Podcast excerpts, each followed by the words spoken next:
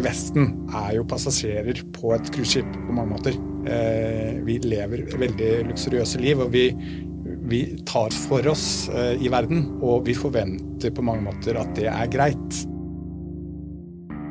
Mange av oss husker med fryd gorillascenen i filmen The Square. Sånn skal det være, tenkte vi da vi satt der og fikk se sosieteten legges i bakken av sin bestilte private kunstperformance.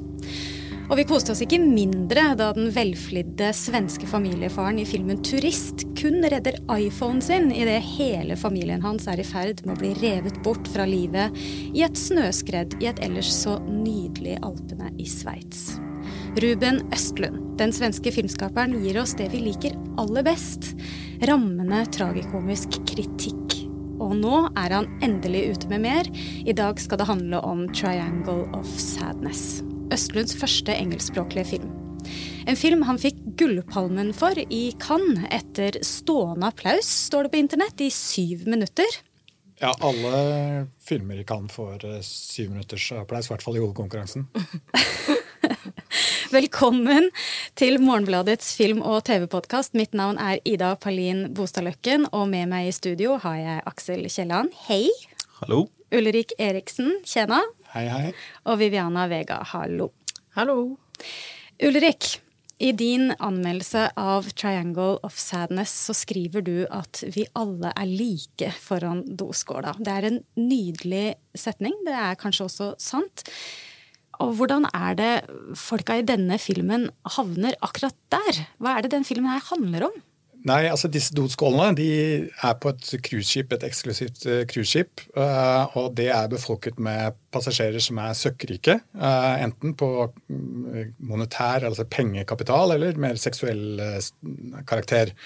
Og hovedparet i filmen er et influenserpar eh, som også er modeller. Eh, og de har fått eh, billetter til denne cruisebåten mest pga. den siste kapitaltypen. Da. Men ellers er det en russisk oligark, det er og hans elsker og hustru. Og noen britiske våpenprodusenter og en svensk datagründer som har nettopp har solgt selskapet sitt og har blitt uhorvelig rik. Og disse lever da på denne båten, drikker champagne og spiser aspik i forskjellige former. Ja, og så prøver de å tvinge de ansatte til å ha det gøy, eh, men det får ikke de ansatte lov til. Eh, og så havner de ansatte i en skvis, og så er det ubehagelig å se på. Det er eh, kanskje en av de verste scenene. Det er når hun stakkars stuepiken tvinges ned i det boblebadet fordi mm. at en eller annen rik eh, russer har bestemt seg for å frigjøre henne. på en måte. Gi henne mm. en dag fri. Det er vondt. Og det kjennetegner jo Østlunds filmer, det at det er vondt å se på. Eh, det gjør det veldig inntrykk å, å måtte sitte der og, og, se på de her eh, ubehagelige scenene. Jeg hadde enorme forventninger, selvsagt, eh, for jeg har likt de forrige så godt. Aksel, er dette her en typisk østlundsk film? 'Triangle of Sadness'? Du er jo inne på det at, at det er jo noen Eh, noen temaer og noen strategier. altså det er altså Han presser fram et ubehag, og han, han er veldig interessert i å, å liksom pirke i relasjoner og øh, si, reflekser og kutyme. da. Uh, men uh, i likhet med, med The Square så, han, så, er en, så, er det en, mye større film enn de, de tidligere filmene hans. Det er en mye mer, sånn, ganske, ganske, mye mer um, filmatisk konvensjonell film. Denne her er jo på engelsk, i motsetning til de tidligere. Uh, han starta opprinnelig med å lage sånn skikjøringsfilmer. Altså, hva skal man si, Skiversjonen av snowboardfilmer. Og det var hans vei inn i filmskapingens verden. Da. Og så, uh, tidlige filmene hans karakteriseres jo av en veldig sånn fascinasjon for en sånn dokumentarisk umiddelbarhet, og det var noe han snakka veldig mye om når han lanserte de tidlige filmene sine. Den umiddelbarheten eh, du kan få av en YouTube-video. Det var noe han ville gjenskape på film, da. Eh, jeg syns jo de sterkeste filmene hans Kanskje Play er min, min, favoritt. Der får han til det veldig. Men grunnen til at den filmen treffer meg og mange andre skandinaver så hardt, er jo at det er, veldig, det er veldig skandinaviske filmer. Det er veldig svenske filmer, men også skandinaviske. Som spiller på, på liksom vår sosiale omgangsformer og tar det på kornet, mens her beveger han seg da bokstavelig talt ut i eh, internasjonalt farvann med en besetning, eller rollebesetning, karakterbesetning fullt av mennesker fra hele verden. Og, og treffsikkerheten da Enten så, det, så, blir det da per definisjon vanskeligere, eller så er det her liksom sylskarpt, men det er fra en verden ingen av oss andre har tilgang til. Ja, for spesielt sånn dokumentarisk eh, fremstår den jo ikke. Den er, det er veldig sånn pent og storslått og en overflod av eh, voldsomme, pene scener, eller stygge scener. Ulrik, du har jo sett den to ganger. Holdt den seg ved ved andre gjennomsyn? Ja, altså overraskende bra. Eh, jeg, var, jeg så den i Cannes og ble vel som mange som så den der, litt skuffet. Eh, kanskje fordi at vi eller jeg også hadde en forventning om at det skulle være en Ruben Østlund-film, og så ble det litt, noe litt annet. Uh, han prøver seg på noen ting i denne filmen som er å fjerne seg litt fra det han er virkelig god på. Sånn jeg opplever det Østlund er veldig god på, er nettopp det som Aksel snakket om. Er presisjon i, liksom, i, i realismen. Liksom. Det å observere eh, mellommenneskelige relasjoner, maktkonstellasjoner i hverdagen og hvordan vi på en måte prøver å, å takle eller være sosiale vesener. Da, eh, og, på, og, ofte veldig, med veldig pinlige resultater. Det er ikke bare at det er gjenkjennelig, men det er noe vi ikke har måte, observert før selv. Mm. Han observerer det litt for første gang, og så kjenner vi det igjen likevel. I denne filmen så er han mer opptatt av mer sånn, litt sånn større tanker. Dette her skal være en internasjonal film, den skal være litt mer generell det som er jo hans styrke, forsvinner litt. Det blir mer, Du får ikke det der spesifikke. Du får ikke den der nerven som ligger i de, de gode observasjonene. Mange vil si at liksom, The Square er en fantastisk satire over kunstverden. Men hvis du tenker over det, så er jo ikke observasjonene der så fantastiske heller. Det er jo ikke nødvendigvis det som er styrken til, til Østlund noen gang. Hva var det som gjorde at den ble så ja, men Den har jo nettopp disse, disse små detaljene, disse små scenene som er så ekstremt ekstremt godt sett. Jeg synes jo I 'Triangle of Sadness' kan du på en måte se ideene hans veldig tydelig. Det er nesten som om han har lest om den der Costa Concordia-ulykken eller eh, Viking Sky-havariet. Dere husker det der cruiseskipet som velta og sto på siden i Italia? Mm. Og så Jeg kan se for meg at liksom Østlund har lest i avisa og tenkt sånn åh, dette skal jeg lage film om! på en måte. Ja. Mm. Og så er den litt sånn tegnefilmaktig, nesten, for den er så overdrevet i sitt uttrykk.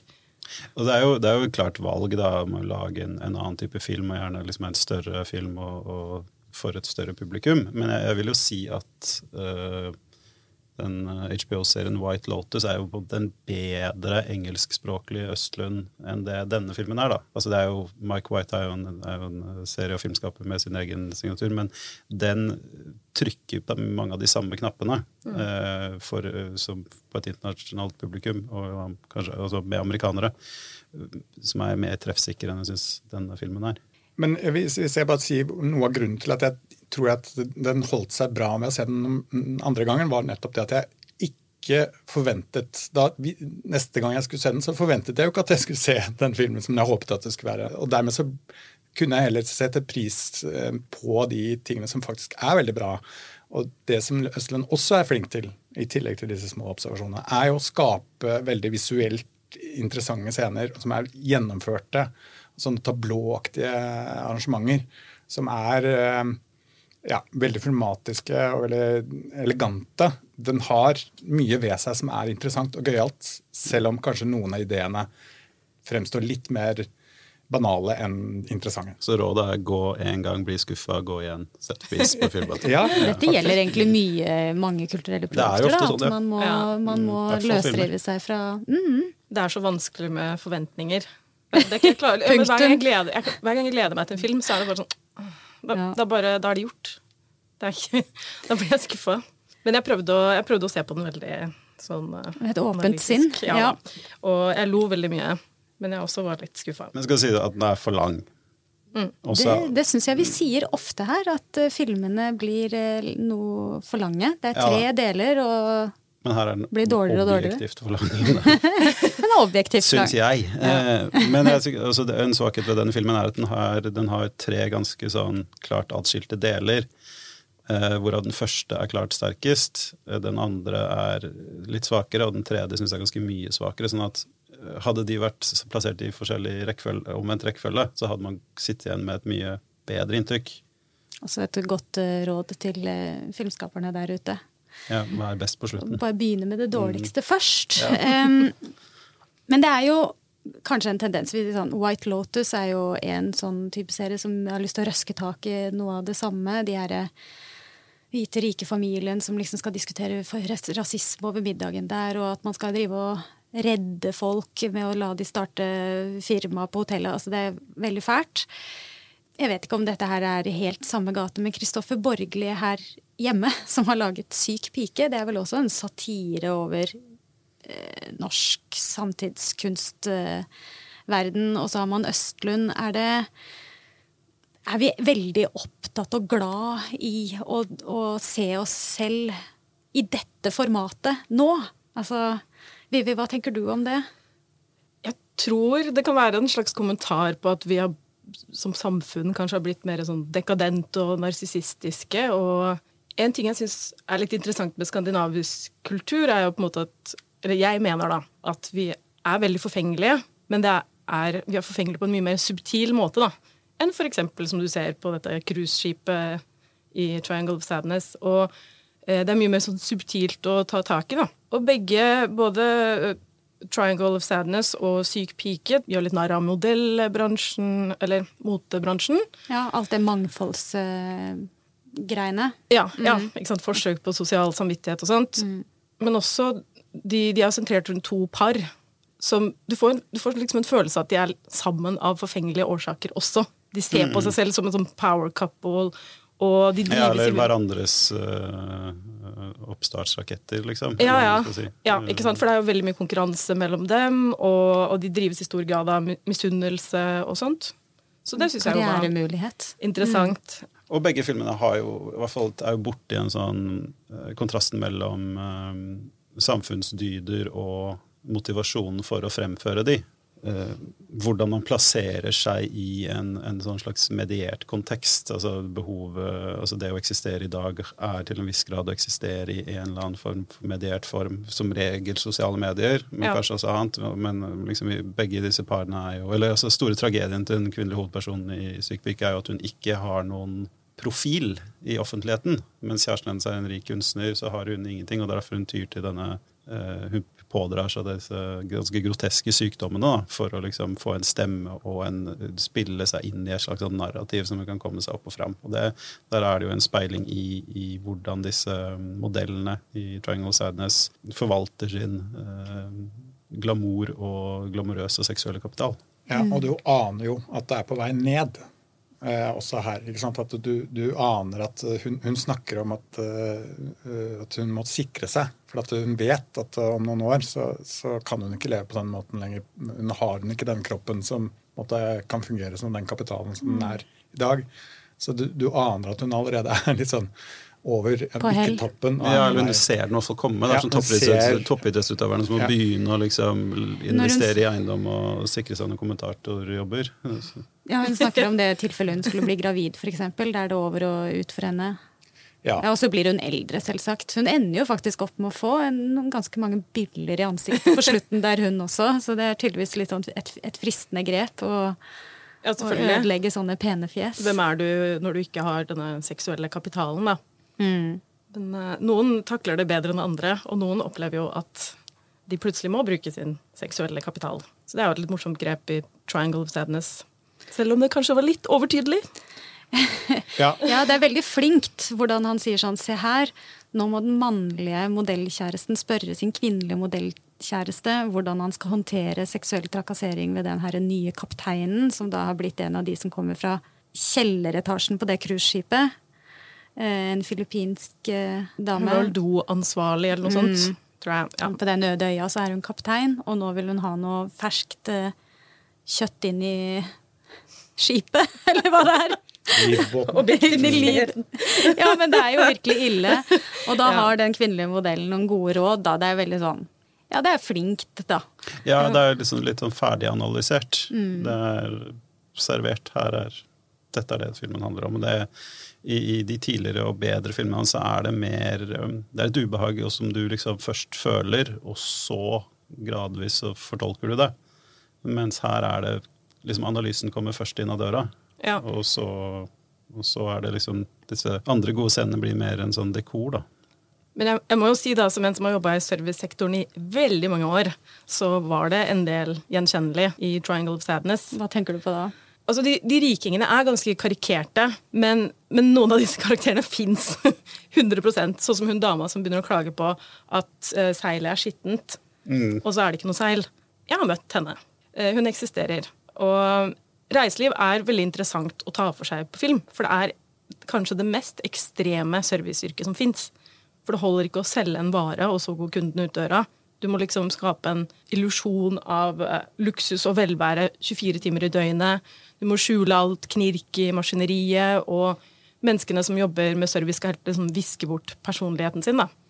Så får det vel frem det verste i, i menneskene, altså det å være gjest. Mm. Eh, den, en, måte, eh, for en ting er at du er søkkrik. Det, det gjør deg også til måte, at du eh, mener at du har krav på en del ting, men bare i form av å være gjest, så kan det få frem ganske mye. Absolutt. Eh, altså, og, og, den temaet tenker jeg er interessant også sånn i forhold til Som helt åpenbart Espen prøver å si noe om, er jo at vi er jo alle på en måte eh, Alle i Vesten er jo passasjerer på et cruiseskip på mange måter. Eh, vi lever veldig luksuriøse liv, og vi vi tar for oss eh, i verden, og vi forventer på mange måter at det er greit vi opplever at måte, verden er til for oss. Så der kan vi på en måte få en gjenkjennelighet, da, tenker jeg.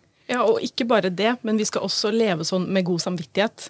Og det tror jeg derfor den, den der boblebadscenen er så ubehagelig. For da denne rike dama spør hun unge servitøren hva er det du ønsker deg, for da, da, blir hun, måte, hun blir stilt i sånt, en umulig posisjon. Da. For hun må på en måte tilfredsstille ønsket hennes, men hun kan ikke det. fordi da må hun på en måte vise personligheten sin, og da blir maktbalansen tydelig. da. Så disse rikingene de er liksom ikke fornøyde med å bare ha det kjempebra. De vil liksom, og, og bli servert, de vil føle at de blir servert av noen som har fri vilje, og gjør det fordi de ønsker det selv. Mm.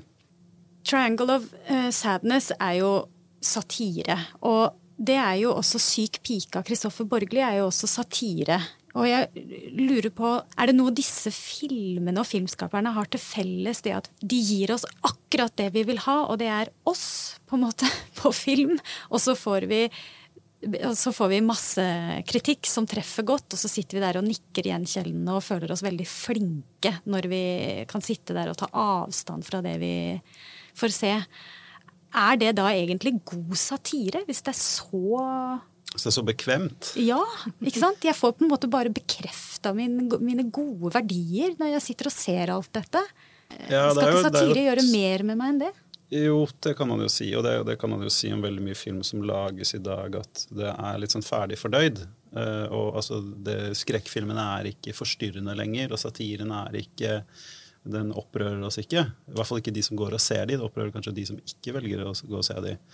Og det er jo en sånn, eh, hva skal man si, sånn god smak-kompetanse å se sånne filmer og liksom nikke gjenkjenne ja, jeg er litt sånn, dette tar meg litt på kornet. Men hvis ikke det stikker noe dypere, så kan man jo si at da har i hvert fall filmskaperen mer å gå på. Men så vil jeg også si at begge disse utforsker et terreng eh, som er ganske sånn spesifikt nordisk eller skandinavisk i det at i vår del av verden så har i hvert fall menneskene som lager denne type filmer, og menneskene som går og ser denne typen filmer på kino, lever ganske gode og trygge liv. Eh, det er ikke så mye liv og død, det er ikke så veldig mye vold, det er ikke så mye fare for han på gata. Så da blir dette lille spennet med liksom sosial ubekvemhet og, og pinligheter og, og liksom skam og, og, feighet og sånn, det, det, blir det store, dramatiske spennet vi har, har, å forholde oss til. Det blir apokalypsefilmene ja, for skandinavere, liksom. liksom. Ikke ja. vite hvordan man skal Ja, ja. altså vi har jo cruisa gjennom finanskrise, pandemi, relativt uskadd, så kanskje det bare vi sitter og venter på at noe fælt må skje? Eller liksom, ja, eller at film liksom endelig kanskje noen andre nordmenn og svensker og dansker lager filmer. Da. Det, det, har jo mye med det å gjøre, hvilke historier som, som kommer gjennom disse nåløyene til filminstituttene. Mm. For Det Men, som var best med Turist, for eksempel, da, det var jo nettopp det at du aldri er helt sikker på om det ikke kunne vært deg som hadde grabba den telefonen og stikket. Altså, det er en mye mer konfronterende film, da, syns ja. jeg. Og den kom på et tidspunkt hvor det var virkelig altså, noe jeg aldri hadde sett før. For meg så fremsto den helt som en skrekkfilm. Jeg så den av alle steder i Hollywood. Og jeg visste ikke hva, hva som venta meg. Jeg ble invitert med av noen australiere. Og så eh, satt jeg der i Sunset Boulevard da, og så på Turist, og da var det liksom Av Ruben Østlund? Ja, av Ruben Østlund. Med da dette skandinaviske paret i matchende superundertøy. Og jeg ble så stressa. Og jeg tenkte sånn, jeg har aldri lyst til å reise hjem igjen til dette.